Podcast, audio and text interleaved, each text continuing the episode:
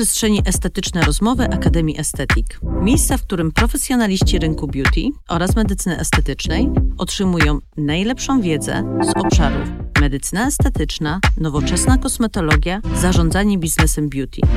Rozgość się wygodnie i posłuchaj naszych ekspertów. Po więcej informacji sięgaj codziennie w naszym świecie online www.akademiaestetyk.pl i sociale o tej samej nazwie. Do usłyszenia w wirtualnej przestrzeni. Magdalena Wójcik. Dzień dobry, witam Państwa bardzo serdecznie. Estetyczne rozmowy.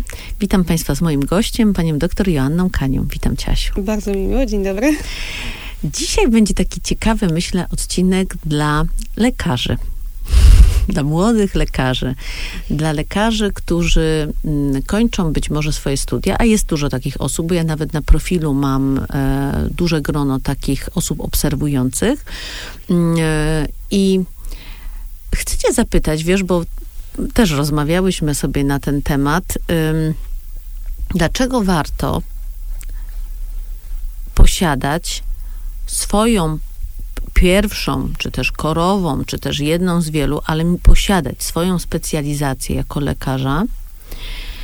I oczywiście jako, jako, nie jako, wiadomo, bazową rzecz, znaczy nie, właśnie jako, jako bazową rzecz i, i traktować tak naprawdę bycie lekarzem medycyny estetycznej jako już dodatkowy bonus w swojej karierze, a nie jako cel sam w sobie co chciałabym zapytać ciebie właśnie, jak ty to widzisz, jak ty to, na to patrzysz z perspektywy swojego doświadczenia, sytuacji, z którymi się spotkałaś?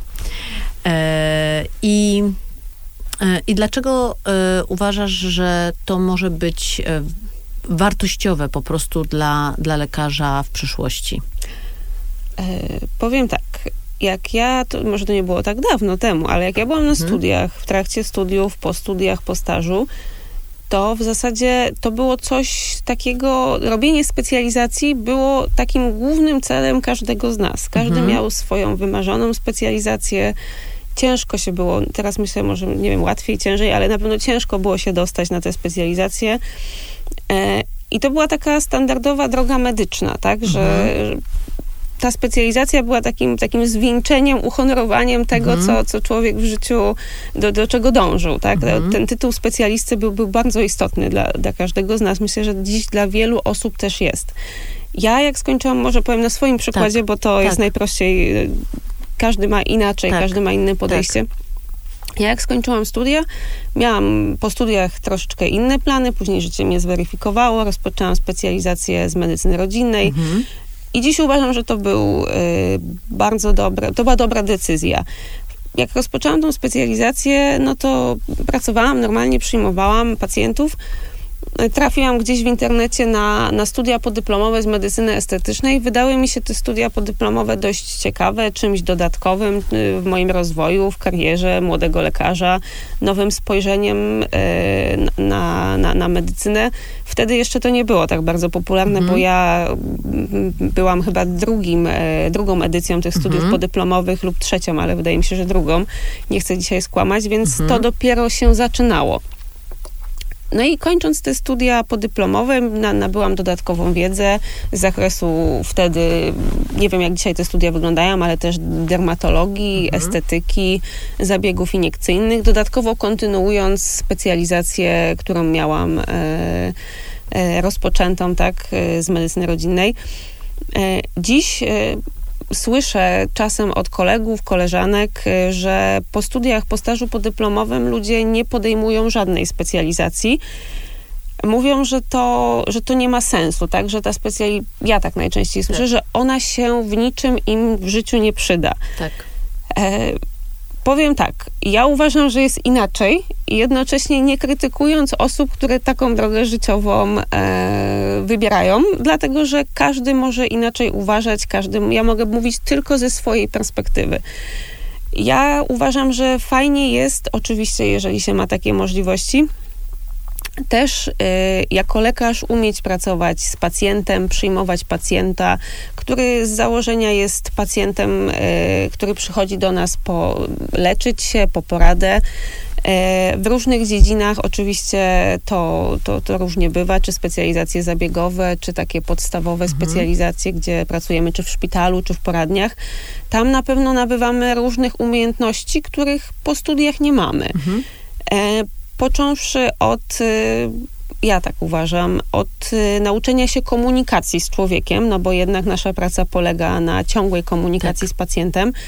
Na pewno y, wiadomo, że to też tutaj zależy od specjalizacji. Y, uczymy się, jak leczyć dane jednostki chorobowe, jak tym pacjentom pomagać.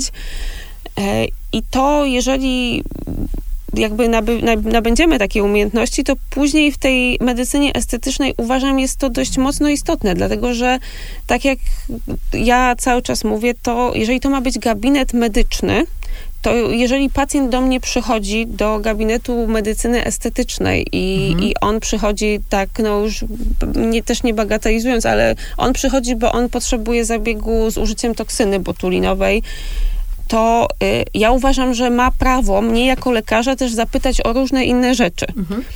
To, to nie jest tak, to, to, nie jest, że pacjent przychodzi i on, y, pani mi poda botoks, ja podaję botoks, bo wtedy to nie jest medycyna, tylko to jest usługa. Mhm. mhm. Więc choćby, żeby podać tą toksynę, my musimy zebrać wywiad z tym pacjentem. Pacjent mówi, że na to choruje lub na nic nie choruje, takie leki przyjmuje, taki mhm. jest jego wywiad rodzinny. E, no i wtedy, jeżeli mamy doświadczenie jako lekarze, no to wydaje mi się, że wtedy też inaczej na tego pacjenta mhm. patrzymy. Możemy mu coś doradzić, możemy mu wytłumaczyć, tak. możemy też jakby podjąć decyzję, że tego zabiegu nie wykonujemy. Tak. I ja uważam, że ta, ta praca taka z pacjentem normalna po studiach, robiąc specjalizację lub nie robiąc, bo też jest dużo lekarzy, którzy nie robią specjalizacji i, yy, i pracują po prostu w poradniach, mhm. tak się też czasem zdarza, jest bardzo przydatna w pracy estetycznej. Mhm to też jest, myślę, tak z tymi specjalizacjami, że kiedyś e, ja już się jakby chyba nie załapałam na to, ale kiedyś było tak, że żeby być jakimś na przykład e, chirurgiem bardzo specjalistycznym, najpierw trzeba było zostać chirurgiem ogólnym. Mhm. Po to, żeby nauczyć się tej ogólnych, tych mhm. podstaw, mhm. po to, żeby później być bardzo mocno szczegółowym. Mhm. I tutaj jest też... Że, ale powiem ci, że to ma sens. Bo to ma duży sens, tak. Ja, ja oczywiście teraz jest też inaczej, ale też specjalizacje, e, które są e, takie bardzo szczegółowe, one mają swoje moduły. One mają swoje moduły i e, na przykład jest moduł podstawowy w wielu mhm. specjalizacjach i moduł e, szczegółowy, tak? Mhm. I na przykład moduł podstawowy to jest taka podstawowa wiedza z danej dziedziny i moduł szczegółowy to jest y, taka, taka już wisienka na torcie, coś, mhm. co my nabywamy już takich szczegółowych umiejętności. Mhm. Estetyka nie jest specjalizacją mhm. na dzień dzisiejszy. W zasadzie zabiegi z zakresu medycyny estetycznej może wykonywać każdy lekarz. Mhm. E, teraz to się będzie chyba zmieniać, trochę sankcjonuje się mhm. to, kto może, kto nie może, mhm. E, wchodzą coraz to nowe ustawy, dlatego że ja pracując w tym no już dobre kilka lat, a niedługo pewnie będzie kilkanaście lat, mhm. e, wiem, że to jest dość skomplikowana i bardzo odpowiedzialna praca. Mhm. I uważam, że po jednym czy po dwóch kursach nie da się tego dobrze wykonywać. Mhm. Tego trzeba się po prostu nauczyć, ale to nie chodzi tylko o iniekcję, bo samo, no ja to zawsze mówię nawet koleżankom czy kolegom, że to nie chodzi o to, że, żeby ukuć pacjenta igłą, to już tak kolokwialnie tak, mówiąc, tak. bo jak ktoś ma zdolności manualne, to on to zrobi, to, to nie tak. jest trudne. Ten, który ma trochę mniejsze, dłużej się będzie uczył, ten, który jest bardzo zdolny, zrobi to za drugim, trzecim razem. Tak. Ale głównie chodzi o to, komu co. I mhm. tutaj y, to jest ta właśnie prawdziwa medycyna. No jeżeli, mhm. jeżeli chcemy jakby mieć gabinet lekarski, tak. no bo... Tak. No bo jeżeli mamy y, takie poczucie, że chcemy być lekarzami dla tych pacjentów, mhm. no to musimy wiedzieć komu, co, dlaczego, a nawet bardziej komu nie.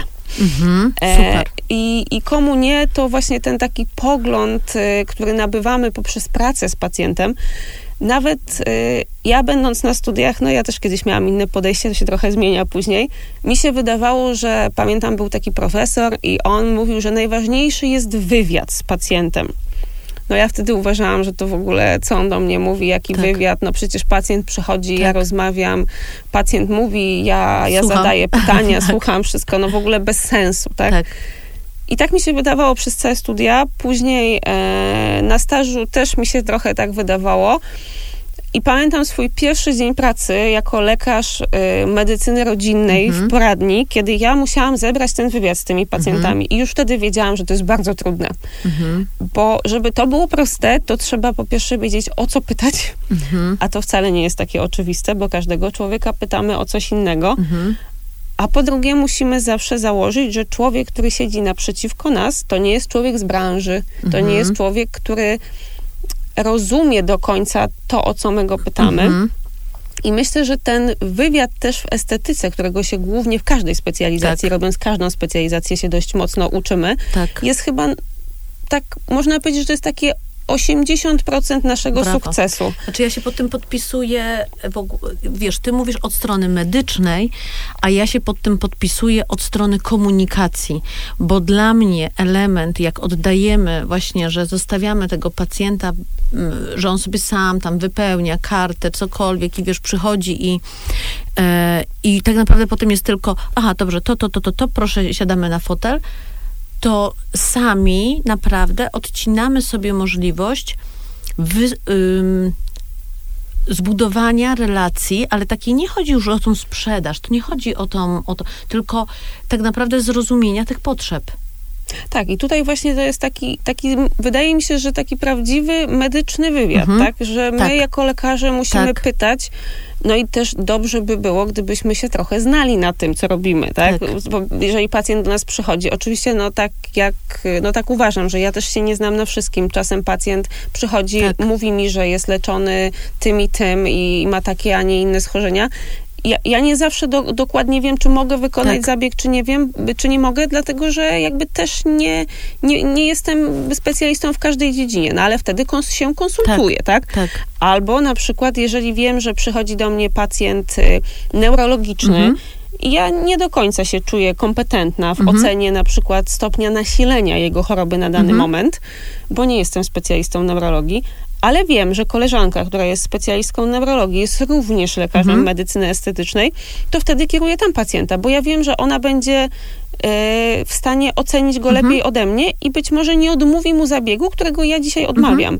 I dlatego też myślę, że te specjalizacje są o tyle istotne, że czasem ta medycyna estetyczna, no bo też e, to jest trochę tak, e, że ludzie, którzy do nas trafiają, bardzo często to są ludzie też obciążeni różnymi jednostkami chorobowymi, Mhm. tak? Z większością jesteśmy sobie w stanie poradzić jako lekarze ogólni, lekarze, którzy skończyli studia, lekarze, którzy mają podstawową wiedzę, Tak. tak? Ale są też pacjenci, z którymi bez posiadania takiej już bardzo szczegółowej wiedzy nie jesteśmy sobie w stanie poradzić. I wtedy fajnie jest, jak na przykład jest koleżanka, kolega, która jest specjalistą w danej dziedzinie Mhm. i dodatkowo jest lekarzem medycyny estetycznej, i wtedy ona tym pacjentem zajmie się dużo lepiej niż my. Prawda.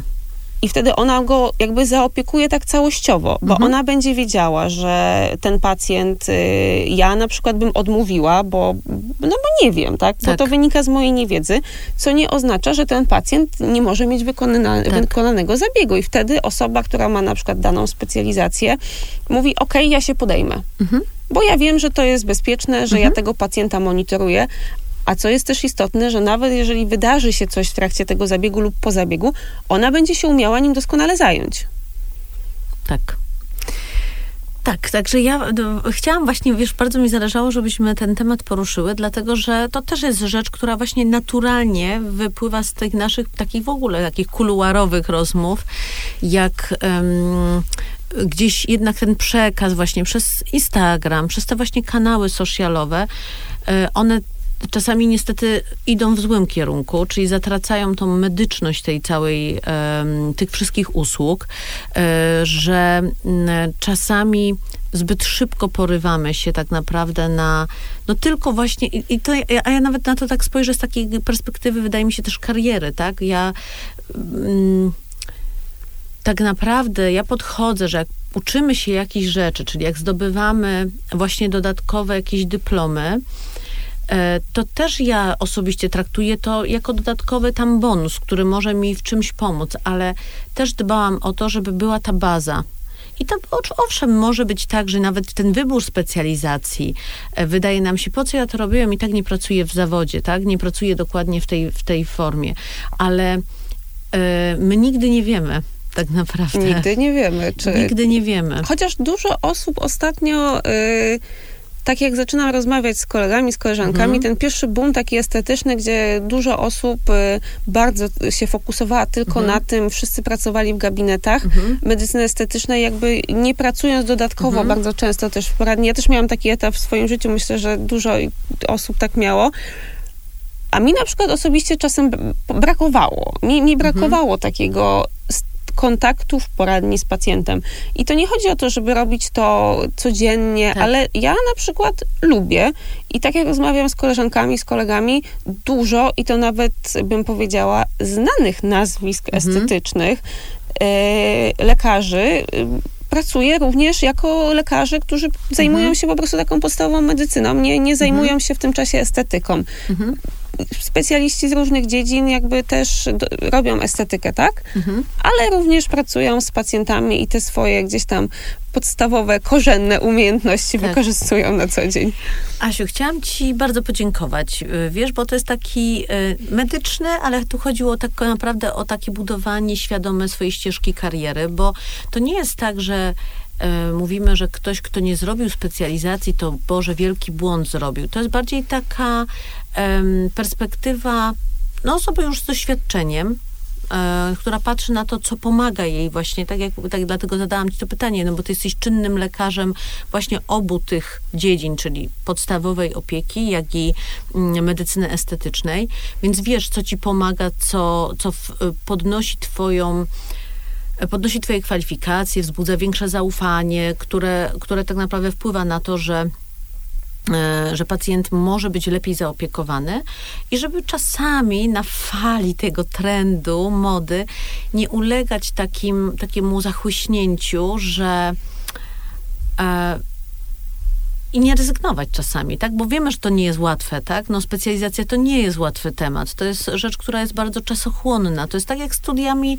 e, no magistrem nawet, tak? E, czasami młodzi ludzie, ja spotykam się, słuchajcie, teraz mam wrażenie, jest taki drugi boom e, wśród młodych osób, że wiele takich naprawdę z możliwościami młodych ludzi nie decyduje się na studia magisterskie, tak? Nie decyduje się na osiągnięcie tej wyższej, tego wyższego stopnia, e, jeśli chodzi o, o, terminy, o nazewnictwo, z prostego powodu, bo uważają, że niczego się tam nie nauczą, niż nie nauczyliby się z internetu, albo od rodziny, albo od osób, którymi e, budują tą swoją ścieżkę zawodową, nie, nie naukową, tylko zawodową.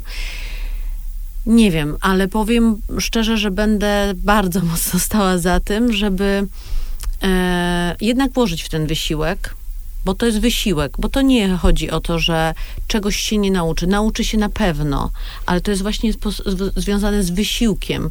Tak, ale dzisiaj jeszcze to jest taki, yy, moim zdaniem, temat z tym związany, że ja też czasem myślałam, że pewnych podejmując pewne działania, ja się tam niczego nie nauczę mhm. i to mhm. jest bez sensu, tak? No dzisiaj wiem, że nie. Mhm. Bo żeby ocenić, czy to jest bez sensu, najpierw trzeba to zrobić. E, bo jakby samo mówienie, że coś tak. jest bez sensu, e, no to, to jeszcze niczego nie zmienia, tak? tak? My, my musimy tak. zobaczyć. Ja, tak. ja czasem rozumiem, że ktoś coś zaczyna i z tego rezygnuje. Tak. tak. Bo czasem jest tak, że to po prostu nie jest dla nas. To też tak. nie chodzi o to, żeby iść i tkwić w jakiejś specjalizacji Oczywiście. tylko dlatego, że ktoś powiedział, że ta pieczątka jest lepsza lub gorsza. Tak. Nie jest. Moim zdaniem nie ma, bardziej liczą się umiejętności niż tak. tytuł. Tak ale też uważam, że trzeba jednak przynajmniej dać sobie szansę, tak. żeby pójść, zobaczyć, bo jeżeli się okaże, że zawsze można odejść, to nie mhm. jest tak, że jak się coś mhm. zaczyna, to, to już jakby zamyka nam drogę i przez następne 5 czy 6 lat, w zależności od specjalizacji, jaką wybierzemy, my musimy tam być. Tak. Nie musimy. Tak. Ale z doświadczenia wiem, że ludzie, którzy już zaczną, mało kiedy rezygnują. No. Znaczy, ja chciałabym, żeby właśnie był taki finalny wydźwięk tego naszego podcastu, że to nie chodzi o różnicowanie, kto jest lepszy, kto jest gorszy. Absolutnie i nigdy bym sobie nie pozwoliła na tego form, taką formę oceny. To jest bardziej taki sygnał w dyskusji i jeżeli ktoś dzisiaj na przykład tak waha się, ma takie przemyślenie, a jejku, nie chcę, po co mi to, jak ja tutaj już mogę, ja już mam tutaj gabinet otwarty, mogę już sobie działać, po co ja się tu będę wysilać, mm, albo też z drugiej strony ktoś się zastanawia nad kontynuacją właśnie tej edukacji na studiach wyższych, no to po prostu zastanowić się, przemyśleć sobie, czy, czy może faktycznie te 5 lat, y, ile specjalizacji wykonuje się? To zależy jaką. Mhm. Od 4 do 6. Od 4 do 6. Słuchajcie, 6 lat y, w perspektywie jednak całego życia zawodowego to jest nic. Ja też tak myślę i myślę, że też warto jest y, nawet pójść, bo to jakby mój głos to jest, y, to jest coś, co ja uważam, ale to jakby to nikt nie musi się z tym zgodzić, to absolutnie. Mhm. E, natomiast dobrze jest też pójść i zasięgnąć opinii starszych kolegów. Tak. E, takich, którzy tą drogę wybrali taką, a nie inną. Mhm. I to ludzi, którzy pracują już kilka lat mhm. i w tej branży, i w branży poprzedniej, tak? tak? I oni wtedy powiedzą najczęściej szczerze, jak jest, tak? tak? Oczywiście tak. pewnie będą głosy, że wiesz co, no, w sumie to bez sensu. Tak. Chociaż powiem, że chyba nigdy nie spotkałam ja lekarza, który zrobił specjalizację i powiedział, że to było bez sensu tak. i gdyby miał jeszcze raz zaczynać, tak. to nie zrobiłby tej specjalizacji. Tak. Oczywiście, no były pewnie wzloty i upadki, różne momenty i, i momenty zwątpienia i to, to każdy to przechodzi, tak, bo to nie jest łatwy, to nie są łatwe lata ale na pewno każdy, który, który już ten tytuł osiągnie i pracuje też również jako lekarz medycyny estetycznej, powie, że tak, to miało sens i, i to się dzisiaj przydaje i uważa, że to jest dodatko, wartością dodatkową, którą on do tego swojego gabinetu, kliniki e, dokłada. E, potwierdzam, zgadzam się z tym.